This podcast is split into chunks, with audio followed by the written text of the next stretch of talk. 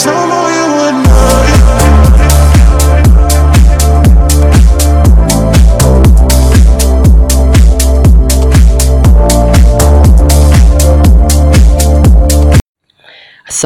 warahmatullahi wabarakatuh. Diriku, diri kamu, dirinya yang sedang guling-guling di atas kasur, dan mereka yang sedang asik malam mingguan, malam mingguan di jalan. Mereka semua punya kesempatan yang sama untuk menunjukkan diri pada siapa pun di bagian bumi mana pun saat Eh, kita punya akses pada dunia maya. Semua bisa dapat panggung, semuanya, bahkan seekor kucing sekalipun. Nah, di dunia maya, kamu bisa menjadi kamu, atau kamu bisa menjadi bukan kamu.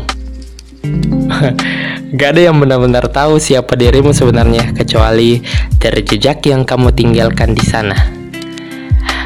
Kamu adalah perkataanmu dan semua konten postingan yang kamu upload. Kamu didefinisikan orang banyak dari bagaimana caramu bertukar informasi dan bagaimana cara kamu berkomunikasi dengan manusia lainnya yang ada di bumi ini, di alam semesta ini. Gini, saya saya sendiri dapat dilihat menjadi orang yang sangat menyenangkan di dunia maya. Walau mungkin saat kita bertemu nanti rupanya saya adalah bukan orang yang demikian kayak gitu. Orang nggak orang itu nggak lihat bagaimana ekspresi muka saya. Apakah saya tulus apakah sinis ataukah sinis-sinis tapi manis ya yeah. semua diwakilkan dari apa yang mereka lihat di layar HP mereka aja semua tergantung dari apa yang saya sajikan hingga menggiring orang pada sebuah kesimpulan. Benarkah demikian? Oke, mari kita bicara dari platform yang paling tinggi adopsinya di dunia maya. Iya benar, medsos, media sosial. Ada yang menggunakannya sebagai sarana mengekspresikan diri, uh, sebagai sarana melepaskan emosi, curhat, berbagi berbagi uh, pandangan, berbagi pengalaman, ngasih kode ke sang pujaan atau ada juga yang seperti saya yang bikin coletehan, bikin tarian-tarian, wah. Ya, tergantung gimana preferensi masing-masing. Kita tentu bisa ngepost sesuai perasaan hati. Namun, kita nggak bisa ngendaliin bagaimana akhirnya orang lain akan menanggapi postingan kita. Misalnya nih, saya saya kan rajin ngepost instastory ya nah by the way faktanya penduduk Indonesia adalah pengguna yang paling aktif dan menyumbang konten paling banyak di di mana di instastory kayak gitu nah menurut teman-teman yang mengikuti instastory saya di Instagram uh, ya beberapa saya tanya saya katanya orangnya Islamis we uh, suka bola dan lain-lain. Ini uh, receh juga saya ulangnya receh. Nah, tapi saat kita bahas pandangan teman yang mengenal saya di Twitter, bisa beda lagi kesimpulannya. Saya bisa dilihat sebagai uh, orang yang gemar membaca karena banyak dari tweet saya adalah kutipan dan pembahasan buku favorit saya. Saya bisa dilihat sebagai orang yang tertarik dengan media sosial. Saya bisa dilihat sebagai orang yang punya antusias lebih terhadap politik misalnya. Wow, sebegitu mudahnya orang lain mendapat kesan yang berbeda tentang kita kayak gitu. Jadi beda medsos bisa beda juga kesan orang tentang kepribadian kita. Nah, makanya kalau kamu yang denger ini lagi ngecengin seseorang nih dan kenalnya dari medsos, coba pastiin lagi deh. Kamu udah follow semua medsosnya dia belum? Paling penting kalau di IG kamu berhasil masuk daftar close friendnya dia nggak? Nah, silahkan waspada, silahkan waspada. Mungkin dia bukanlah dia yang kamu kira. nah, selanjutnya nih. Hmm, ya uh, bicara tentang apa ya? Medium ini, medium paling sederhana untuk berkomunikasi secara langsung dengan orang, uh, dengan segelintir orang lah. Yaitu aplikasi messaging kayak WhatsApp, Line, apa Telegram, uh, Messenger, FB Messenger maksudnya. Nah, dalam menggunakan aplikasi berbasis ini, berbasis apa teks, pemilihan tanda baca, emoji, stiker dalam chatmu itu mengambil andil yang besar dalam membantu orang lain mendapatkan gambaran dari ekspresi dan nada bicaramu. Sebagai contohnya gini, sama buat contoh ya. Uh, ini bagaimana saya mentranslasi emosi dari chat yang saya terima. Misalnya gini, iya, nggak apa-apa. Itu dua poin. Itu jenis yang to the point. Jenis lain, iya, nggak apa-apa pakai titik. Nah ini tegas nih to the point terus tegas terus selanjutnya ada yang uh, ya ya GPP Nah ini uh, bingung ini antara lagi buru-buru atau saya orang yang nggak penting buat dia gitu kayak gitu. Nah ada lagi yang iya hanya dua bisa dua bisa tiga, iya nggak apa-apa, wah aja tiga lagi tuh. Nah, itu orangnya ramah, orangnya santai. Ada lagi tipe iya titik titik titik gak apa-apa titik titik titik nah itu ter uh, apa ya terkesan orangnya lagi ah, lagi tertekan atau lagi speechless nggak tahu mau komen apa mau balas apa kayak gitu. Uh, ada lagi yang iya nggak apa-apa ya. Itu bisa jadi dia baper atau malah kamu yang baper. Nah gitu. Ada lagi nih yang terakhir.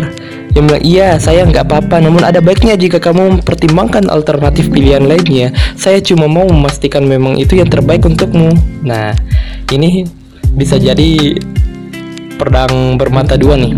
Bisa jadi dia itu orangnya bijak Atau bisa jadi uh, dia ngomong dengan nada mengancam kayak gitu.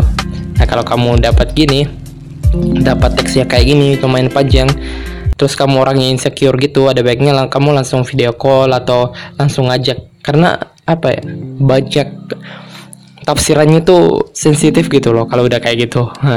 Nah uh, perlu diingat yang saya jelasin tadi itu cuma menurut saya aja ya bagaimana orang lain dan kamu mengartikannya bisa berbeda-beda beda kepala beda budaya beda kebiasaan beda juga penarikan kesimpulannya Intinya, yang mau saya tekankan adalah bagaimana kamu menuliskan pesan bisa jadi lebih penting dari isi pesan itu sendiri.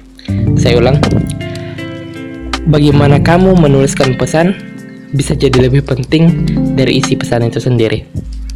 Itu krusial. Apalagi jika kamu bertukar pesan dengan orang yang belum pernah kamu temui. Tapi kalau kamu sudah kenal orangnya mah ya nggak apa-apa udah lebih udah apa ya lebih bisa paham atau udah lebih bisa memaklumi. Hmm, nah selain itu kalau lagi ngomongin tentang komunikasi kayak gini sepertinya harus bahas juga ya tentang konteks. Gimana sih situasi saat percakapan itu terjadi? Nah kalau di dunia nyata kita kan bisa dengan mudah tuh memosisikan, diri dengan uh, tindakan yang dilakukan karena kita bisa ngebaca langsung keadaan di sekeliling kita Nah, misalnya kamu lagi rapat di kampus nih, terus ada yang lagi debat hebat saat diskusi. Nah, dengan ngebaca situasi dan kondisi seperti merhati raut wajah masing-masing anggota rapat, kamu bisa langsung mengadaptasi gitu loh. Terus bisa nentuin langkah selanjutnya apa yang kamu ambil, apa yang lebih tepat untuk menengahi atau menanggapi kayak gitu.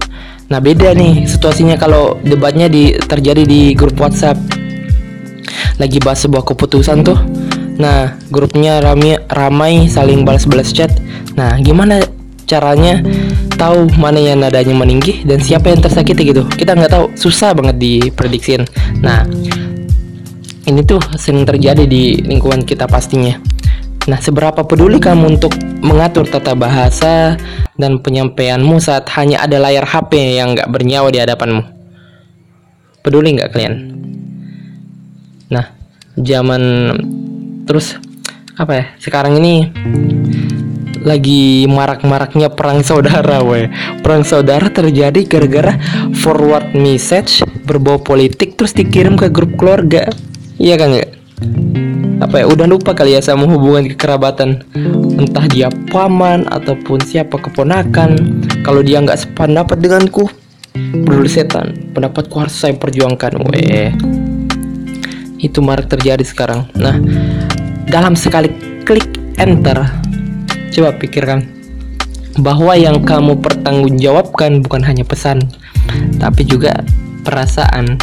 Ibarat gini nih ibarat ngirim paket lewat kurir nih ya. Pasti apa yang kamu kirim? Yang yaitu pesanmu itu udah benar isinya sebelum dibungkus. Lalu pastikan pengemasan paketmu itu eh, maksudnya pemilihan kata penggunaan tanda baca dan emoji udah dilakukan dengan baik sehingga paketmu itu sampai sesuai dengan keadaan semula kayak gitu itu semua dilakukan supaya nggak ada yang kurang nggak ada yang cacat ataupun eh, apa ya tercecer saat proses pengiriman. Atau dalam artian nggak ada kemungkinan buat pesanmu mendapat mispersepsi atau sulit dimengerti. Nah itu kalau kita apa ya ngomongin tentang dunia maya nih dan bagaimana kita memosisikan diri di dalamnya sebenarnya mirip juga sih dengan dunia nyata. Bedanya kamu nggak berada di tempat yang sama dengan para manusia yang menjadi lawan interaksimu. Keberadaanmu itu diwakilkan oleh kontenmu kayak gitu. Jadi sama aja. Eh ya itu ya mungkin ya. Yang sekarang di episode 3 eh cuma itu yang saya tahu. Mari kita diskusi di dunia nyata. Dan jangan lupa dengerin